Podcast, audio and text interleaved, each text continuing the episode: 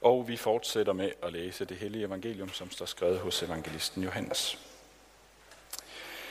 Jesus sagde, jeg er det sande vintræ, og min far er vingårdsmanden.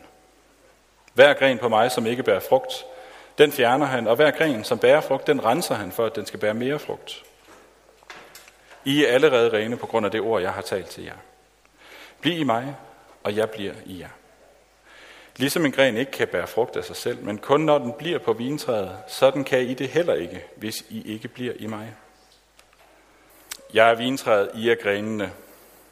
Den, der bliver i mig, og jeg i ham, han bærer mig en frugt, for skilt fra mig kan I slet intet gøre. Den, der ikke bliver i mig, kastes væk som en gren og visner. Man samler dem sammen og kaster dem i ilden, når de bliver brændt. Hvis I bliver i mig, og mine ord bliver i jer, så bed om, hvad I vil, og I skal få det. Derved herliggøres min far, at I bærer mig en frugt og bliver mine disciple. Som faderen har elsket mig, har også jeg elsket jer. Bliv i min kærlighed. Hvis I holder mine bud, vil, jeg blive, vil I blive i min kærlighed, ligesom jeg har holdt min fars bud og bliver i hans kærlighed. Sådan har jeg talt til jer, for at min glæde kan være i jer, og jeres glæde blive fuldkommen. Lad os bede. Jesus, kom du og indvig os i din sandhed. Kom du og giv os mere af dig selv. Luk vores øjne og vores ører og vores hjerter op. Amen.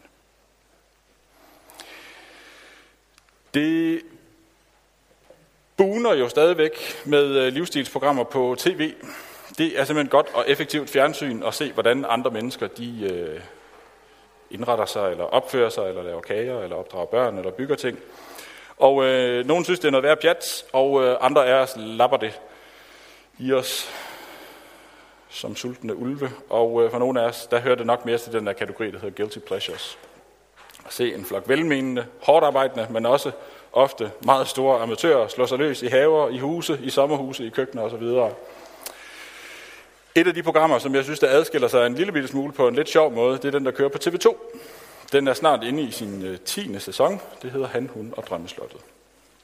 Jeg kendte den egentlig ikke indtil for nylig. Jeg, gjorde, jeg blev gjort opmærksom på, den, øh, på, at den fandtes af en øh, yngre præstekollega her fra menigheden, som havde set det en del. Han skal selvfølgelig have lov til at forblive anonym, for jeg skal jo ikke udstille andres tv-vaner end mine egne.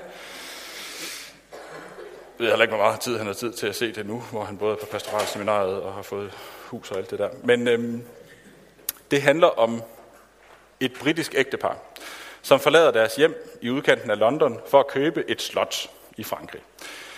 Et slot, som de vil bruge til at bo i, selvfølgelig, men også et slot, som skal kunne bruges til, som øh, sådan venue for feststed, for bryllupper og andre store arrangementer.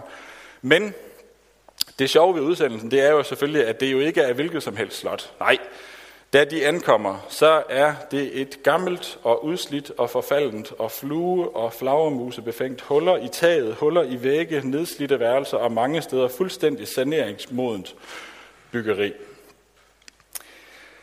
Man tager sig fuldstændig til hovedet, når man ser, hvad det er, de kaster sig ud i. For det første, så har de to små børn, og de flytter nærmest ind i slottet med det samme.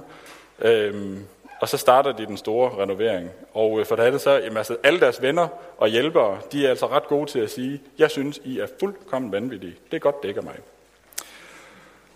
Og det er jo selvfølgelig hensigten med programmet, i hvert fald de første sæsoner, at sige, godt, det ikke er mig. Men det, der er ved de her to, det er, at de klør på, de tager fat, de får simpelthen slottet bragt tilbage til live. Der er nogle ting, der bliver moderniseret, der er noget, der bliver opgraderet, men det sker som regel i overensstemmelse med det, som slottet det er, og med slottets historie. Det her det er ikke et program, man skal se, hvis man har et, øh, en stor interesse for selvbyg, øh, fordi altså, det er de færreste af os, der har det her, det færreste af os, der har en slot, og et voldgrav, og et orangeri, og en muret have osv. Og øh, de fleste af de ting, der bliver lavet, det er ret meget for viderekommende. Men man kan godt se det, hvis man vil se to drømmere, som insisterer på at se det smukke inde bag ved alt møget. Fordi nogle gange så er det bogstaveligt talt møg, der skal ryddes af vejen. De flytter ind i et renoveringsprojekt længe før tingene de er, som de skal være, og længe før nogen de kan være tilfreds med husets tilstand, så kommer de ind. Det er lidt det billede, vi skal have for øje, når vi hører sådan en tekst som den her. Fordi det er det samme, der er på spil, når vi taler om mennesker, at Gud han flytter ind i os længe før vi er klar til at huse gæster. Når vi modtager Helligånden i dåben, så tager Gud bolig i os. Fordi Gud han ønsker, at vi skal være tæt forbundet med ham. Gud han ønsker den forbindelse med os, som er så tæt, at vi bliver næret og mættet og opretholdt og styrket af ham. Vi bliver podet ind på et nyt træ, fordi han ønsker, at vi skal bære frugter i vores liv. Jesus han ser alt det smukke, som også kan komme ud af os, når vi har ham som livskilde. Den eneste måde, frugten den kan komme på, det er ved at stå i forbindelse med ham. Det er ved, at hans ord er i os. Nu er vi inde ved kernen af det hele i dag. Vi er inde og berører selve årsagen til at leve. Teksten den handler om discipleskab, om efterfølgelse, men den handler altså også om mening med dit liv. Den handler om at blive de mennesker, som Gud han ønsker, vi skal være. Det Gud han ønsker, at et menneskeliv det skal indeholde, det er den fuldkommende kærlighed, den fuldkommende tætte og livgivende relation, vi har til ham. Og han sætter det virkelig på spidsen også. Uden mig kan I slet ingenting gøre. Så hvis ikke vi har forbindelse til Jesus, så har vi ikke liv. Meningen med at være menneske, det er at blive draget hen til Jesus, så at vi kan bære frugt i vores liv. Det er det Gud han ønsker for os. Både her på jorden og i den nye skabelse. Det kan godt være lidt svært at finde en øh, fuldstændig stringent rækkefølge på teksterne fra Johannes evangeliet, som vi læser fra i dag. Fordi historierne de er ikke altid stillet op sådan fuldstændig i kronologisk rækkefølge. Men vi kan alligevel med ret stor sikkerhed sige, at det, som Jesus han siger i dag, det er noget af det sidste, han underviser sine disciple i. Det er lige før hans død, og det er nu de sidste instrukser, de skal gives. Så hvad er det så, der er vigtigt for disciplene at høre? Det er Jesus, der igen forbinder sig selv med Gud, med skaberen, han tager Guds kaldenavn, jeg er, i sin mund. Og så bruger han det igen om sig selv, ligesom han siger at er nogle andre steder, at han er vejen, sandheden og livet. Jeg er livets brød, jeg er verdens lys, jeg er den gode hyrde. Så siger han nu, jeg er vintræet. Det var noget nyt, og så måske alligevel ikke helt. Fordi for jøderne så er billedet på det her vintræ ret velkendt. Det er noget, de har hørt fra Esajas bog for eksempel. En tekst, vi kommer til at høre om et par uger, som den gamle testamentlige læsning. Her er det folket Israel, som er vintræet. Det var Israel, som skulle bære frugt for Gud. Men sådan som Esajas han beskriver det, så har de ikke båret ret mange frugter. Vintræet det har ikke båret den rigtige frugt, og derfor er det blevet rykket op. Så disciplen de ved godt, at de er kaldet til at bære frugt for Gud, og de ved også godt, at de havde fejlet i den her opgave. Men her var der alligevel noget, som de ikke havde ført før. Fordi her stod der et menneske i kød og blod, nu og siger, at det er ham, der er vintræet. At meningen med livet, det er at stå i så tæt forbindelse med ham, at man drager al sin næring og sin kraft fra ham, og ikke alt muligt andet. Pointen er, at det er på Jesus, det hele det afhænger nu. Det skal hans disciple være klar over, og det skal vi også være klar over. Fordi menneskers forsøg på at skabe vækst, vores egne forsøg på at skabe vækst, uanset i hvilken retning de er, de ender bare tit med, at vi skaber forbindelse til de forkerte træer, de forkerte livstræer. Det her det er ikke bare et gammelt problem. Det her det gør vi konstant, også i dag. Vi lever i et performance-samfund. Hvis ikke vi præsterer, mm, så sakker vi bagud. Hvis ikke vi er i vækst, så er der et eller andet fuldstændig galt. Vi bøvler med at finde vores plads i hele det her vækstræs, som vi har skabt. Og vi er ved at tabe den næste generation på gulvet, inden de overhovedet er kommet i gang med at leve deres liv. Unges mistrivsel, fordi de ikke kan følge med tempoet, fordi de ikke kan følge med præstationskravene. Det er skyhøjt i de her år. Og det er faktisk ikke, fordi der er noget galt med at performe. Der er ikke noget galt med vækst. Der er ikke noget galt med at ville opnå succes. Det må bare ikke blive det vigtigste. Vi må ikke gøre det til et livstræ. Vi må ikke gøre det til det, som vi drager næring fra. Derfor er det heller ikke nødvendigvis den sjoveste tekst, vi kan blive konfronteret med, fordi vi er ikke vores egne stammer. Det er ikke altid, vi bryder os om at høre det. Men sådan er det.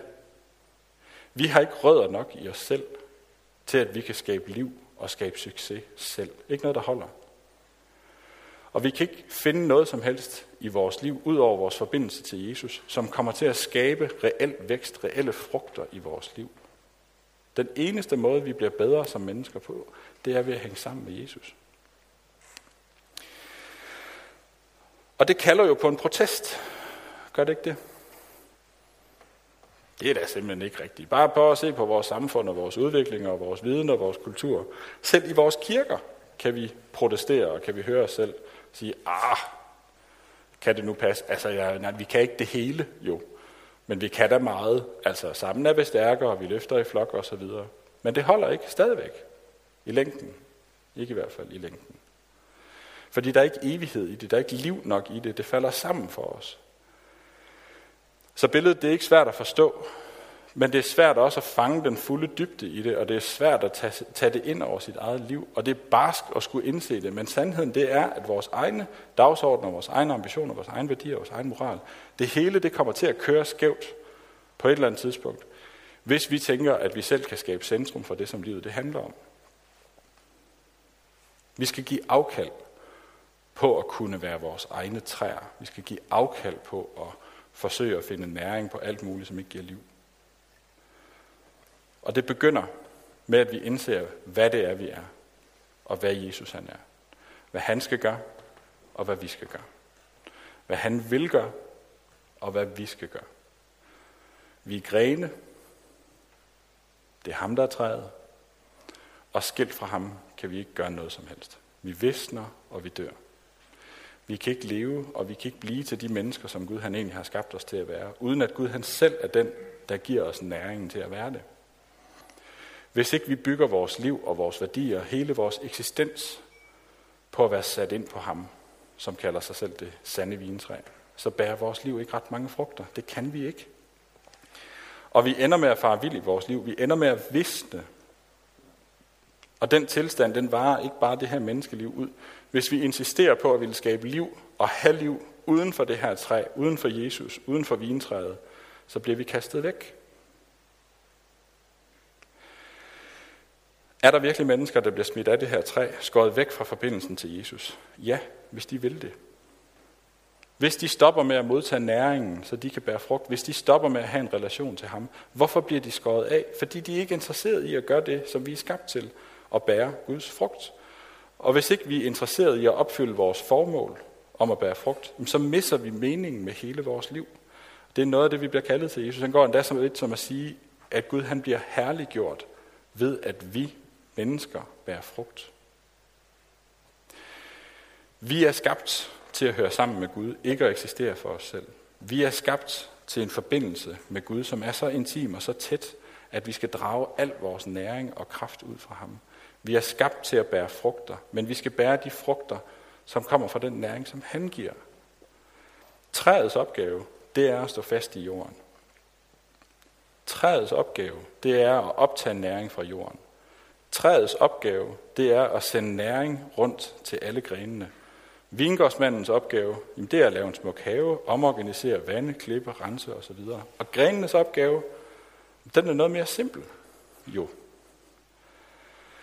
Grenenes opgave, det er at modtage og modtage og modtage.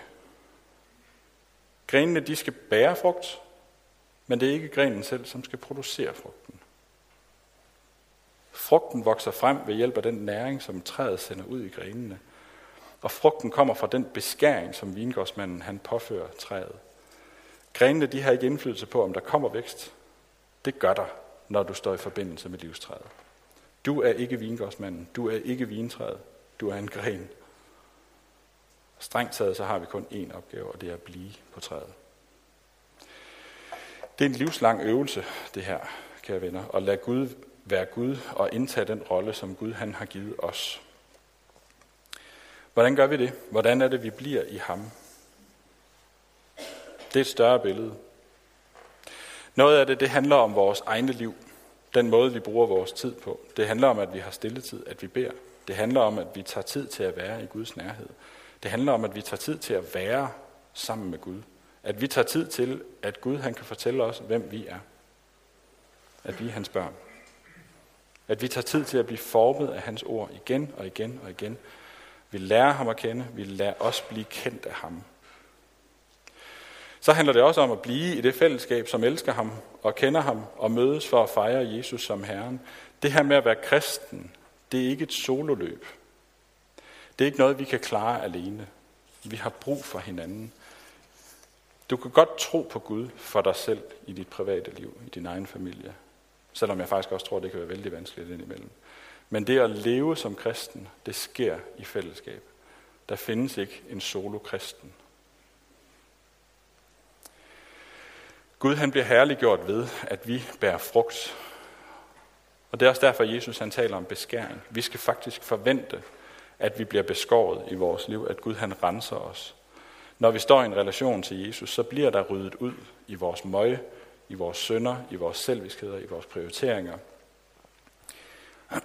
Og det kan godt gøre ondt. Vi skal forvente, at der er nogle værdier, som bliver vendt på hovedet for os. Vi skal forvente, at Jesus han vil prikke til vores samvittighed og til vores hjerter.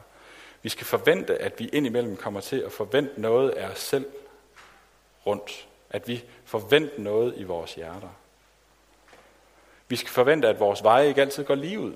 En gang imellem, så skal vi blive sporet ind på en ny og en bedre vej, eller en anden vej. Vi skal forvente opdragelse. Ikke fordi Gud han ønsker at give os unødig benspænd, men fordi han ønsker, at vi skal bære så meget af hans frugt som muligt. Fordi han ønsker at se os blive mere og mere formet af ham, opretholdt af ham og elsket af ham.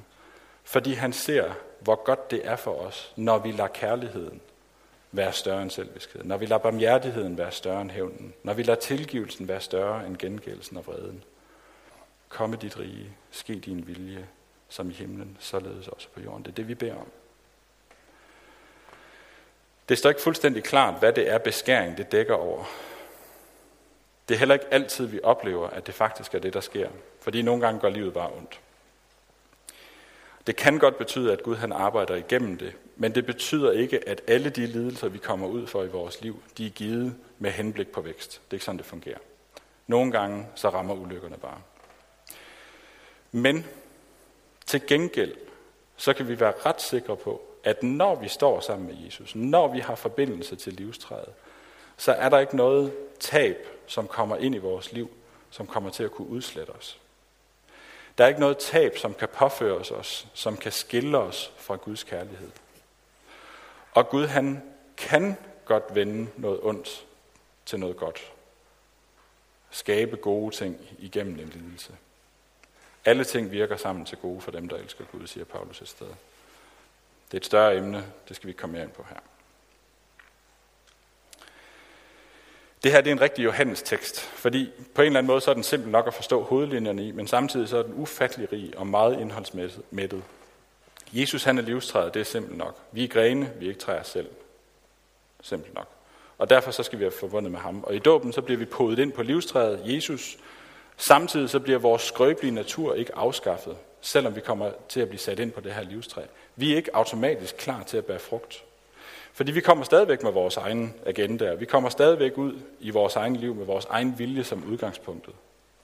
Vi går stadigvæk ud i livet med de forkerte værdier. Med nogle drømmer og nogle ønsker, som får os til at fokusere på det forkerte. Vi går stadigvæk ud i vores liv med selviskhed, med grådighed, med uærlighed osv. osv., osv. Så der er en advarsel med i teksten. Vi kan godt forvilde os væk, og det er derfor, at teksten den også er en barsk påmindelse om, at de grene, som ikke bærer frugt, de ender med at blive skåret væk, kastet væk. Hvis vi vælger at sætte os på et andet livstræ end Jesus, hvis vi gør noget andet til vores frelse, så ender vi med at visne. Men lige efter advarslerne, så kommer også løfterne. Hvis I bliver i mig, og mine ord bliver i jer, så bed om, hvad I vil, og I skal få det. Hvis vi stiller os i tæt forbindelse med ham, hvis vi stiller os klar til at blive beskåret, til at blive formet efter Guds vilje, så kan vi trygt bede om det, vi vil, og så får vi det. Og det skal vi selvfølgelig forstå rigtigt. Det er ligesom Jesus han siger et andet sted. Hvad end I beder om i mit navn, det skal I få. Det her det er ikke sådan carte blanche til at få alt, hvad vi drømmer om.